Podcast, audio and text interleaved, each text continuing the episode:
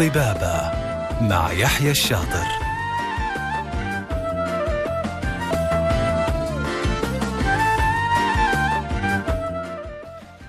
بسم الله الرحمن الرحيم. السلام عليكم ورحمة الله وبركاته. يسعد لي مساكم مستمعين وحبايبنا في كل مكان على إذاعتكم إذاعة ألف ألف إف إم.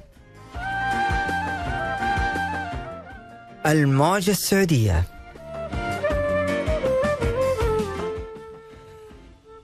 يسعد لي أكون معكم أنا يحيى الشاطر. لمدة ساعة كاملة من الساعة ثلاثة ونص وحتى الساعة الرابعة والنصف. في حوار طبي على الهواء مباشرة مع ضيف مميز اللي دائما يشرفونا في برنامجنا برنامج طبابة. في كل حلقة من برنامج طبابة إحنا بنطرح موضوع جديد بنجلس نتكلم فيه نت... نتكلم كل ما يتعلق بصحة الإنسان بنتكلم عن الأمراض عن إيش هي علاجاته عن إيش هي أسبابه كيف الوقاية منها وبنتكلم عن التقنيات الحديثة وآخر المستجدات في المجال الطبي.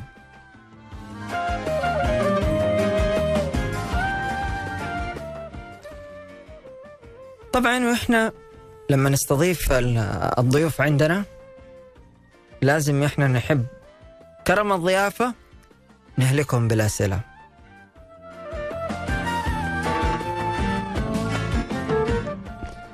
فأنتوا تقدروا تسألوا ضيوفنا أسئلتكم واستفساراتكم من خلال موضوعنا اليوم وتقدروا تسألوها عن طريق الرقم 012 61 6110 أو أنك ترسل لنا على واتس البرنامج 052 62 ثمانية تسعة صفرين واحد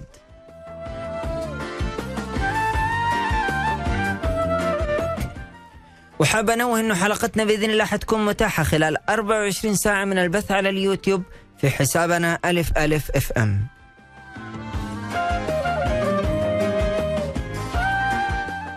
وتقدروا كمان تتواصلوا معنا وتشاركونا آراءكم من خلال حساباتنا في ال social media تويتر والإنستغرام ألف ألف أف أم.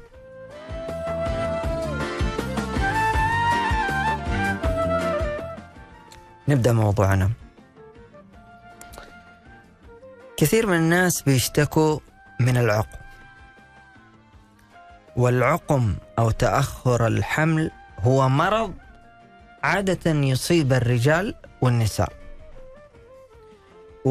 وعرفته منظمة الصحة العالمية يعتبر بأنه الفشل في تحقيق الحمل بعد 12 شهر أو أكثر من الجماع المتصل بدون تناول وسيلة منع حمل.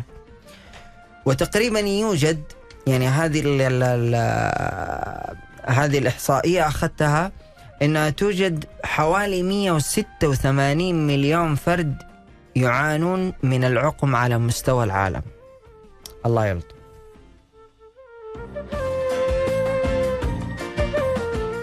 في الآونة الأخيرة ظهرت تقنيات لعلاج العقم اللي هي أشهرها والمعروفة في دول العالم كلها هي التلقيح الصناعي والحقن المجهري. وفي فرق بين كل واحد منهم. فاليوم قلنا مين من الدكاترة اللي يجي ويفهمنا ويشرح لنا إيش الفرق بينهم وكل واحدة إيش كيف يتم تهيئتهم إيش الحالات إيش اللي يحتاجوه إيش نسب النجاح اللي في التلقيح الصناعي أو الحقن المجهري. حتكون معانا اليوم الدكتور حنان الغوابي أخصائي نساء ولادة وعضو الجمعية الأمريكية لطب النساء والتجميل ومدرب معتمد لطب النساء التجميلي لأدفنس ميديكال. نرحب فيكي ونقول لك كل عام وأنت بخير. شهر مبارك بعد نص الشهر. كل سنة وحضرتك طيب أهلا وسهلا. أهلا وسهلا كيف كان رمضان معاكي؟ والله رمضان دايما شهر خير وكرم. رمضان دايما شهر خير وكرم و... لا ما شاء الله الأجواء حلوة برحمته. و... يعني ورمضان السنة دي غير في جد. لطيف. آه. لطيف جدا الحمد لله طيب آه، تكلمنا إنه يعني تقريبا يعني عدد كبير ما هو بسيط بصراحة إنه الناس بتشتكي من آه مشكلة العقم وليس إحنا نسميها مرض هي مشكلة. تعال أقول لك اللي أنا ما بحبش كلمة العقم دي. يعني دايما نقول آه هو تأخر إنجاب. تأخر. أوكي؟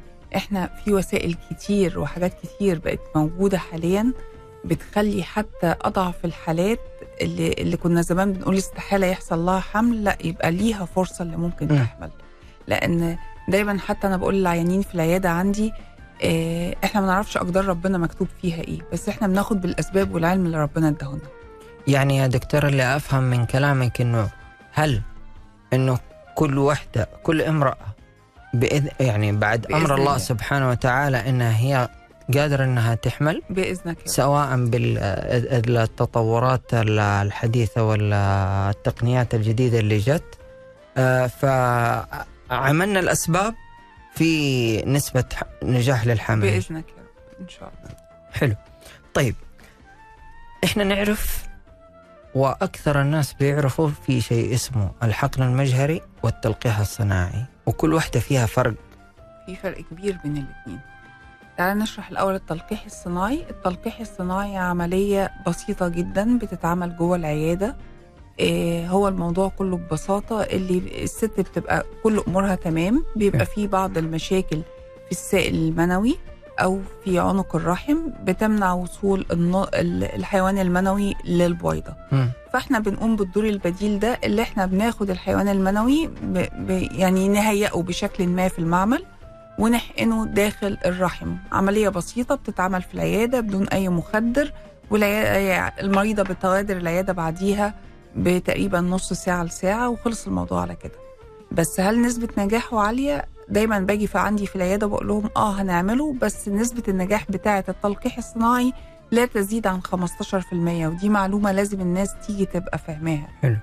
ف لكن الحقن المجهري يعني موضوع تاني. 15% إيه 15% نسبة. نجاحه. مم. ودي نسبة مش قليلة لأن لو تعرف حضرتك اللي نسبة نجاح آه، الحمل أصلا في الأشخاص الطبيعية ما بتزيدش عن 5% فإحنا آه. بنرفع النسبة دي شوية. أوكي. يعني مش لازم كل زوجين بيخططوا للحمل بشكل طبيعي وما عندهمش موانع يحملوا في نفس الشهر حلو متى إحنا نقول للزوجين روح سوي الحقن المجهري لا إمتى نروح نسوي الحقن المجهري في أسباب كتيرة لو عندنا هذه الحقن المجهري اللي قلتي لي إياها في العيادة لا اللي في العيادة آه تلقيح, التلقيح الصناعي عفوا تلقيح طيب لا. خلينا إحنا متى نقول لهم يروحوا التلقيح الصناعي روح التلقيح أكيد في الصناعي. حالات معينة أيوة. أنا لو قصدي في. بعض المشاكل حاصلة في السائل المنوي بيبقى التلقيح الصناعي مناسب ليها في بعض الحالات آه، اللي هي بنسميها آه، تأخر إنجاب غير مفسر ممكن نجرب التلقيح الصناعي معاهم وبينجح ساعات وبيدي نتائج كويسة قوي طيب حلو. طيب وش الحقن المجهري؟ الحقن المجهري آه لازم نشرح الأول بيتم الحمل إزاي عشان أقول لك الحقن المجهري جه منين وكان زمان ليه بيقولوا عليه أطفال أنابيب هو ورانا شيء غيرك اليوم يا دكتورة؟ طيب يحيى. إحنا قاعدين إحنا نسمعك ببساطة إحنا عاوزين عشان يحصل الحمل محتاجين حيوان منوي سليم. محتاجين بويضة سليمة ومحتاجين طريق يوصل بينهم سليم. الطريق ده ما يدعى قناة فالوب.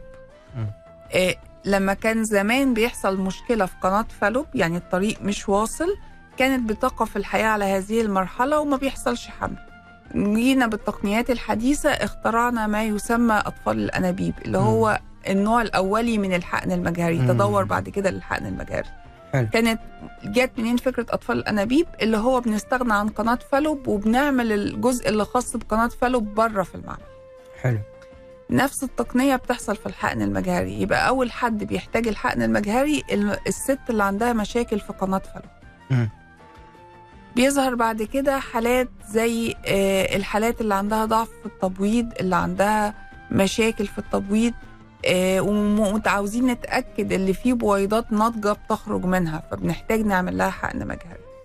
يعني إحنا عندنا ثلاث حالات إلى الآن إحنا قلناها اللي عندها مشكلة في آه في الفلو في قناة فالو. آه واللي عندها, عندها مشكلة في التبويض. في التبويض وعندها وفي مشكلة. عندنا الزوج لو عنده ضعف شديد ما في هو هذا اللي أنا كنت بقول لك ما شاء الله ما في أي مشاكل لا لا, لا, لا لو في ضعف شديد في السائل المنوي في بعض مشاكل بتحصل عند الزوج ما بيبقاش فيه خروج للسائل المنوي بشكل طبيعي. بنحتاج ناخد عينة من جوه الخصيه فالحالات دي كمان لازم تلجأ للحقن المجهري.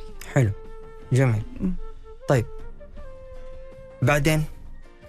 بعدين آه العملية بمنتهى البساطة بنهيئ الزوجين لعملية الحقن المجهري وبنمشي في خطواتنا بتنشيط الزوجة والتأكد الحيوانات المنوية مناسبة للحقن المجهري وبنبتدي آه في ميعاد نضوج البويضة بتدخل الزوجة بمخدر كلي نسحب البويضات ويتم إجراء تكوين النطفة داخل معمل الأجنة.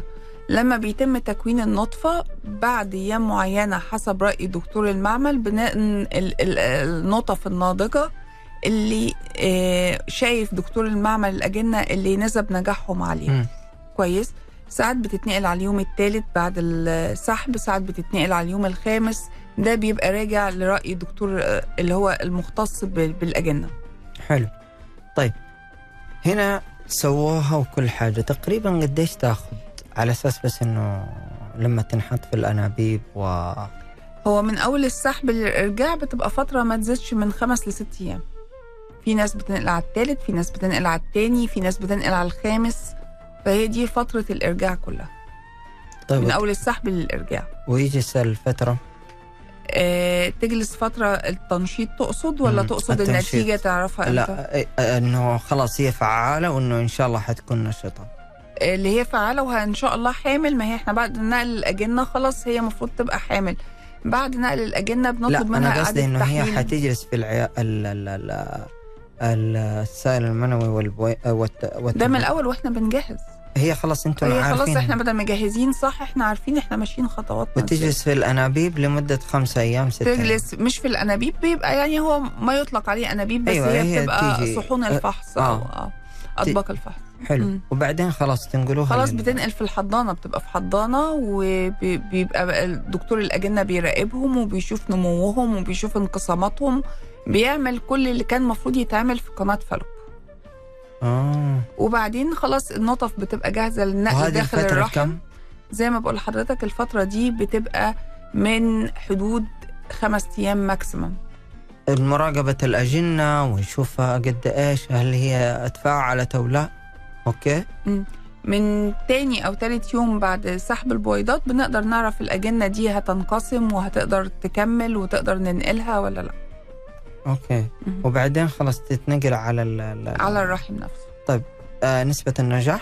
نسبة نجاح الحقن المجهري حوالين العالم كله نسبة من 40 ل 60% بيتدخل فيها حاجات كتير قوي بيتدخل فيها سن الزوجين بيتدخل فيها حالة ال- البويضات المسحوبة ودرجة وال quality بتاعتهم بيتدخل فيها حالة الحيوان المنوي وال quality بتاعه.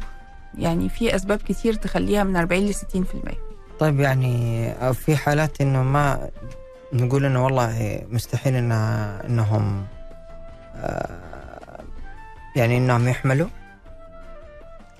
آه، مستحيل هي تحمل لو ما فيش بويضة أو ما فيش حيوان منوي أصلا. يبقى مستحيل هي تحمل. أو إنه في الكبر صح؟ لا في الكبر لا. يعني هي بيبقى فيه صعوبة لكن شفنا حالات كتير سنهم كبير وربنا كرمهم ونجحت. طيب حلو. كم عدد الأجنة اللي دائما يعني الأطباء يعني يقوم بإرجاعها لداخل الرحم؟ هي بتفرق آه، من مكان لمكان حوالين العالم.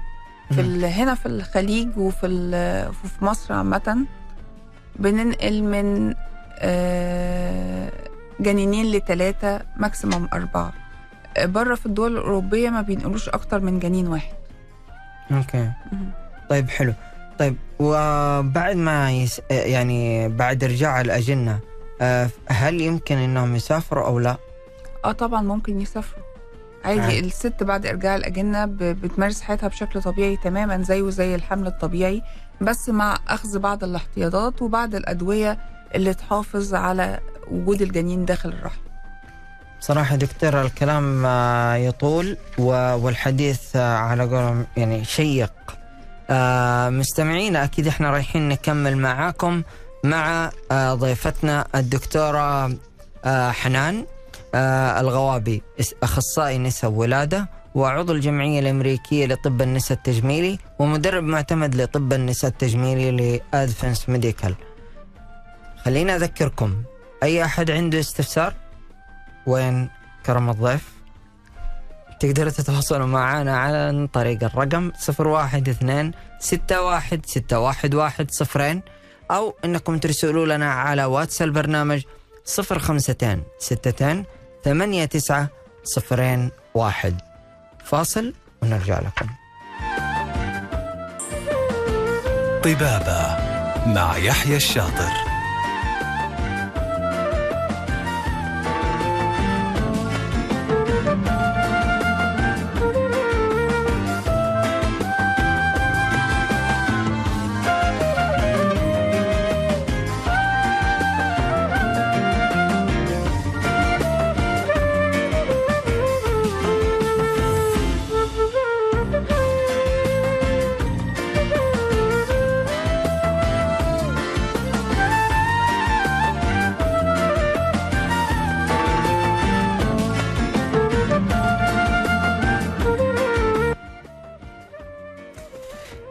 يا هلا وسهلا بمستمعينا من جديد ومكملين معاكم في موضوعنا عن الحقن المجهري والتلقيح الصناعي. وحندخل إن شاء الله برضو في أمور التجميل اللي بتخص آه، آه، النساء والولادة. صح ولا لا دكتورة؟ طيب أوكي.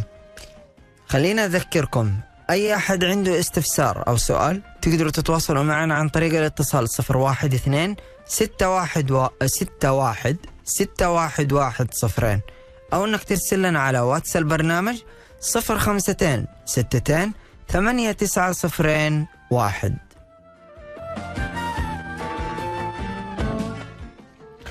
خلينا نرحب من جديد مع الدكتورة حنان الغوابي أخصائي أخصائية نساء ولادة وعضو الجمعية الأمريكية لطب النساء التجميلي ومدرب معتمد لطب النساء التجميلي لأدفنس ميديكال نرحب فيك من جديد.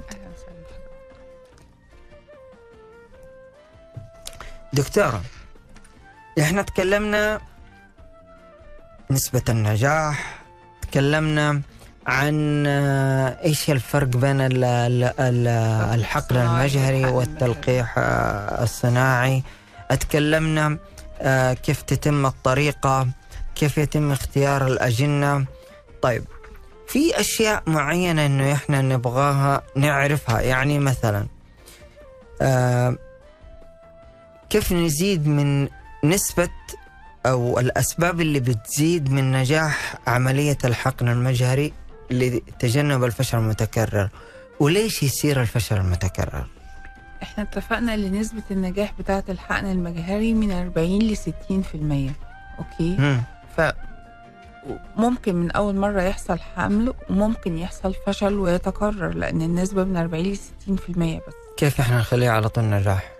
ما فيش حاجة اسمها كيف نخليها على طول نجاح بس ممكن لو كرر الفشل نبتدي نشوف المشكلة فين. ممكن نطلب يتعمل تحليل أجنة للأجنة اللي- بتتنقل. ممكن. يكون في مرض وراثي هو المتسبب في ده. ممكن نزود تحفيز بطانة الرحم بتقنيات حديثة ببلازما بتحفيز بشكل معين عشان تتقبل وجود الأجنة فيها. ممكن ندي بعض الأدوية المساعدة لتقبل الأجنة داخل بطانة الرحم. طب واستخدام التنشيط المتكرر ب آه، من مخزون ال- المبيض يقلل من نسبة الحقن المجهري لا. نجاحه. لا ما يقللش من نجاحه لكن التنشيط المتكرر آه، بيقلل مخزون المبيض. فلو المرأة في للأسف سيدات كتير بتروح تتوجه لحد مش متخصص في مم. الحقن المجهري والتنشيط تخصص نساء وتوليد عادي. فبتبتدي تروح لهم تعمل تنشيط مرة واثنين وثلاثة من غير أساس وأحيانا من غير فحوصات شاملة. فبتكون النتيجة اللي هي عبال ما بتوصل لنا بيكون مخزون المبيض يكاد يكون هيختفي يعني. طيب في معنا اتصال؟ نقدر ناخده؟ آه اتفضل. ألو مرحبا. أيوه ألو السلام عليكم. عليكم السلام ورحمة الله وبركاته. كل عام وأنتم بخير إن شاء الله. وأنت بخير. وأشكر لكم البرنامج هذا صراحة الجميل الله يعطيك آه، الف عافيه حابة أسأل دكتورة حنان بس. تفضلي معك الدكتورة حنان. كيف حالك يا دكتورة؟ أهلا وسهلا بحضرتك. أهلا فيك. دكتورة أنا حابة أستفسر لأنه أنا كانت لي تجربة الشهر اللي راح في عملية الحقن المجهري. طبعا أنا كنت حامل قبل سنة و- وصار في سلاب بعدها ما حملت سنة كاملة فعملت الشهر اللي راح حقن مجهري. فحقنت ثلاثة أجنة وجمدت اثنين. آه، ما تم الحمل نزلت علي البريود الشهر اللي راح. فقال لي الدكتور بعد آه، دورة ثانية يعمل لك الحقن الاثنين الثانيين إذا حابة. تمام. فأنا ماني عارفة إيش أسباب الفشل مع إنه كل التحاليل تمام كل أموري تمام يعني ما ماني عارفة المشكلة كانت مش. شرط يكون في سبب للفشل يعني حضرتك جربي تاني تنين الأجنة المجمدة ونشوف. لو لا قدر الله فشل نقل الأجنة المجمدة كمان أنا أنصح إن التجربة الجاية مع الحقن المجهري الجديد تعملي حاجة اسمها بي جي دي أو فحص للأجنة من الأمراض الوراثية الجينية. ممكن يكون الأجنة فيها مشكلة هي اللي بتسبب الفشل ده. أو طب طب نعمل هو تحفيز لبطانة الرحم عمل فحص أجنة وكانت سليمة. أيوه كانت كلها سليمة الحمد لله. خلاص يعني إحنا ما فينا الا إحنا نصبر لقضاء ربنا وإحنا في شهر كريم تدعي أخت الفضله كتير اللي ربنا يرزقك بالذرية الصالحة. طيب شكرا. يعني ما تيأسيش قرري وما تيأسيش؟ من من من الفشل. يعني لازم يبقى دايما عندنا أمل وثقة في ربنا. يعني ويعني أنا عند ظن عبدي بي وأنا معه إذا دعاني. خلي ظنك في الله اللي هيرزقك الذرية الصالحة. وإن شاء الله ببركه الله. الفضيل تبشرينا بحملك قريب بإذن الله. إن شاء الله. بس أبغى أتأكد هل ممكن يكون إنه مثلا الرحم أو بطانة رحم؟ مع إنها كانت كويسة كانت أتوقع 11 ما فيش مشكلة المرة الجاية قبل نقل الأجنة اطلبي من الطبيب بتاعك يعملك تحفيز لبطانة الرحم.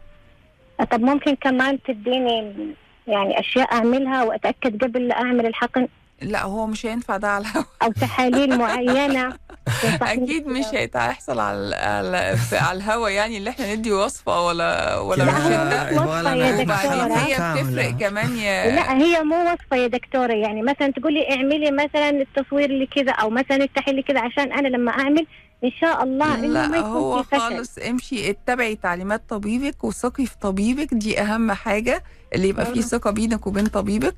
وكلنا خير وبركة وكلنا مدارس مختلفة. فامشي على مدرسة طبيبك للآخر وإن شاء الله ربنا يرزقك الذرية الصالحة بإذن الله. إن شاء الله إن شاء الله. شكرا يا دكتور أهلا وسهلا بحضرتك. الله يعطيك ألف عافية. طيب معلش في كمان سؤال عندنا. السلام عليكم رمضانكم مبارك. أنا عندي ولدين إح- تسعة وأحد عشر سنة.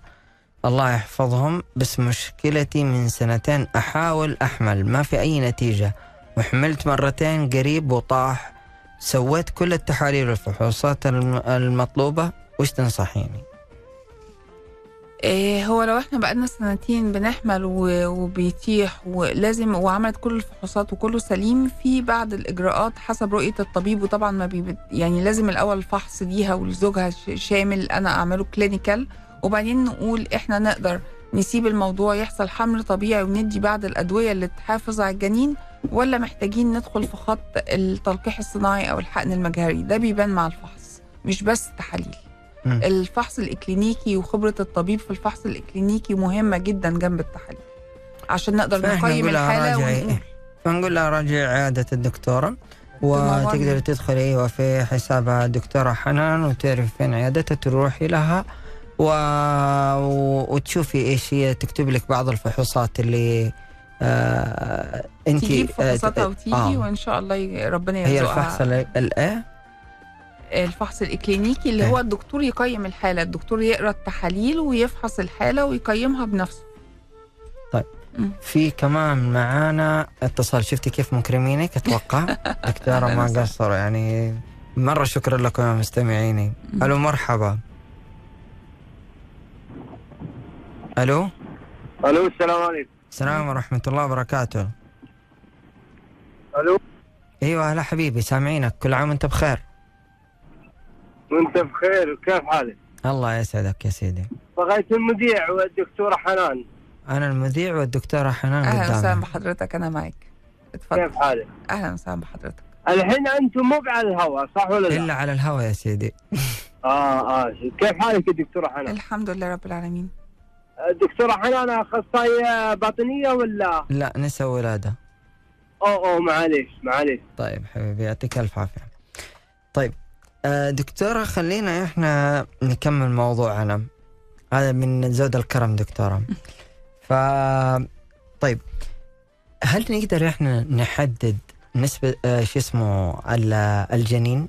نوع الجنين آه يتم بيتم تحديد نوع الجنين طبعا ممكن عن طريق الحقن المجهري بنسبة نجاح 100% مم. وممكن نحدد نوع الجنين عن طريق التلقيح الصناعي بس بنسبة نجاح 70% في التلقيح الصناعي 70 والحقن المجهري؟ 100% طيب آه، من أول مرة لما مثلا في الحقن المجهري؟ لا دي نسب نجاح الترجيح الجنس مش نسب نجاح العملية نفسها. لا أنا أتكلم عن ترجيح الجنس. آه، ترجيح الجنس في التلقيح الصناعي 70% من أول مرة والحقن المجهري 100% من أول ما مرة. دام انه 100% هل أنتم تقولوا لما تأخذوا العينتين من الرجل والمراه طيب. تتكون النطفة. يا سلام. وبعدين في اليوم الثالث بيتبعت لمعمل الأجنة آه، جزء من الخلايا بيفحصوا ضد الأمراض الوراثية المحتملة مم. ويفحصوا في النوع ذكر أو أنثى وبنقدر نحدد عن طريقه الذكور بس يعني أو الإناث حتلاقوا بس. فيها نفسها فيها الذكور وفيها الإناث. مظبوط.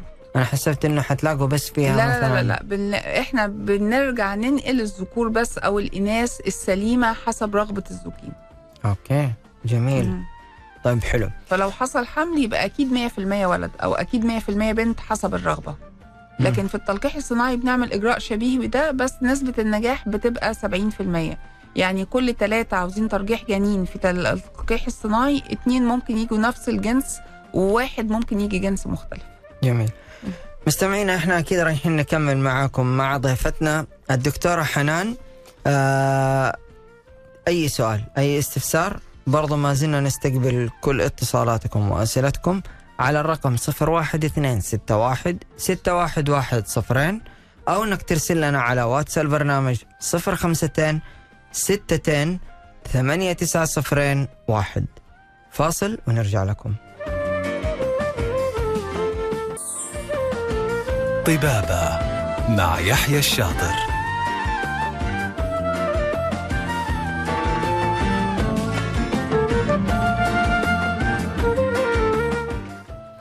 يا هلا وسهلا مستمعينا من جديد ومكملين معاكم في موضوعنا عن الحقن المجهري والتلقيح الصناعي. طبعا مع مبدعتنا دكتورتنا الدكتورة حنان الغوابي أخصائي نساء ولادة وعضو الجمعية الأمريكية للطب النساء التجميلي ومدرب معتمد لطب النساء التجميلي لأدفنس آه، ميديكال. نرحب فيكي أهلاً ونقول. لك أهلا وسهلا للأسف الشديد هذه آخر فقرة في آه ساعة آه برنامج طبابة. طيب دكتورة يعني في عندنا لسه ما شاء الله اتصال خلينا ناخذ وبعدين نكمل آه المحاور حقتنا. نقول ألو مرحبا ألو السلام عليكم عليكم السلام ورحمة الله وبركاته آه الشهر عليكم مبارك يا دكتورة عام. ومبارك عليك يا حبيبتي بغيت أسألك أنا سويت ثلاث عمليات حقن مجهري. آه، في آه أحد المستشفيات الحكومية.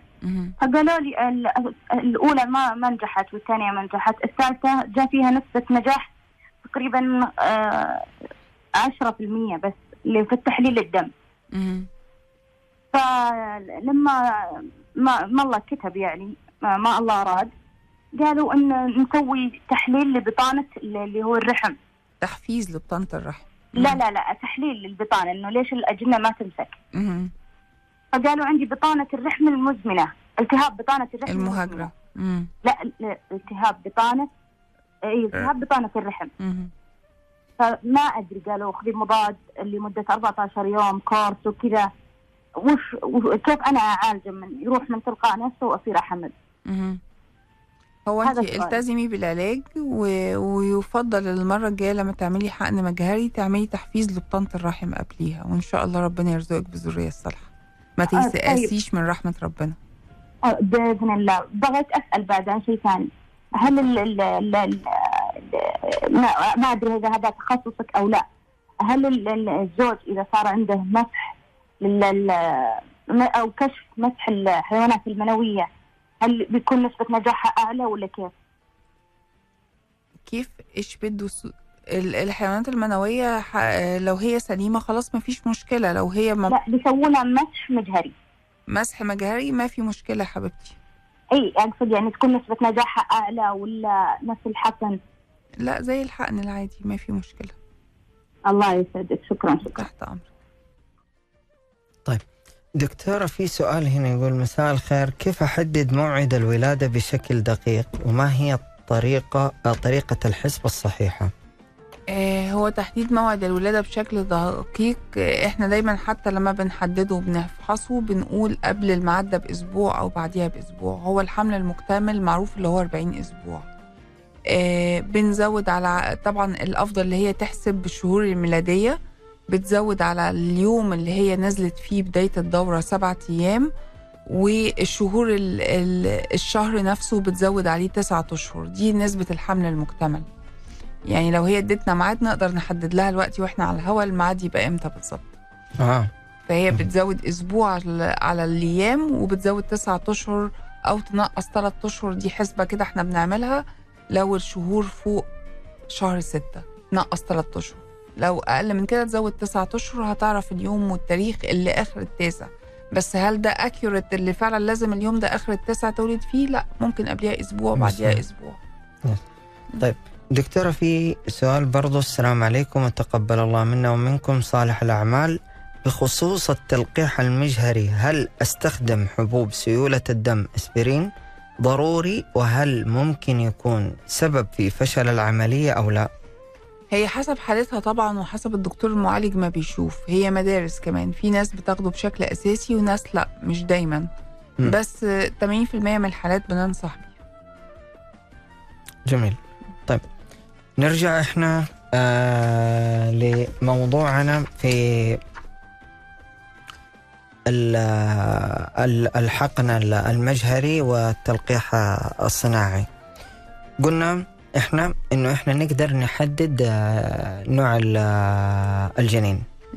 طيب آه كيف إحنا نقدر إنه نختار إنه هي اجنه سلام آه س- آه سليمة خالية من الأمراض الوراثية أو لا؟ وهذا الصراحة هذا السؤال اللي أنا أحسه ده يعني. يهم ده مهم جدا طبعا لأن في آه، من الأسباب إحنا يمكن آه، وقعت منا وإحنا بنقول أسباب الحقن المجهري في الأول. مم. في بعض الأمراض الوراثية اللي بنقول لازم تعملوا حقن مجهري عشان تجنب ان الأطفال تيجي بالأمراض الوراثية دي. اللي بيحصل اللي بتبقى دورة حقن مجهري عادية وبعد تكوين الن- النطفة في المعمل في اليوم الثالث بيتاخد عينة من الجنين وبيتباعت لمعمل الأجنة المعمل تاني للأمراض الوراثية يقدر يحدد في أمراض وراثية ولا لأ ولو في مرض وراثي معين هو موجود ولا لأ.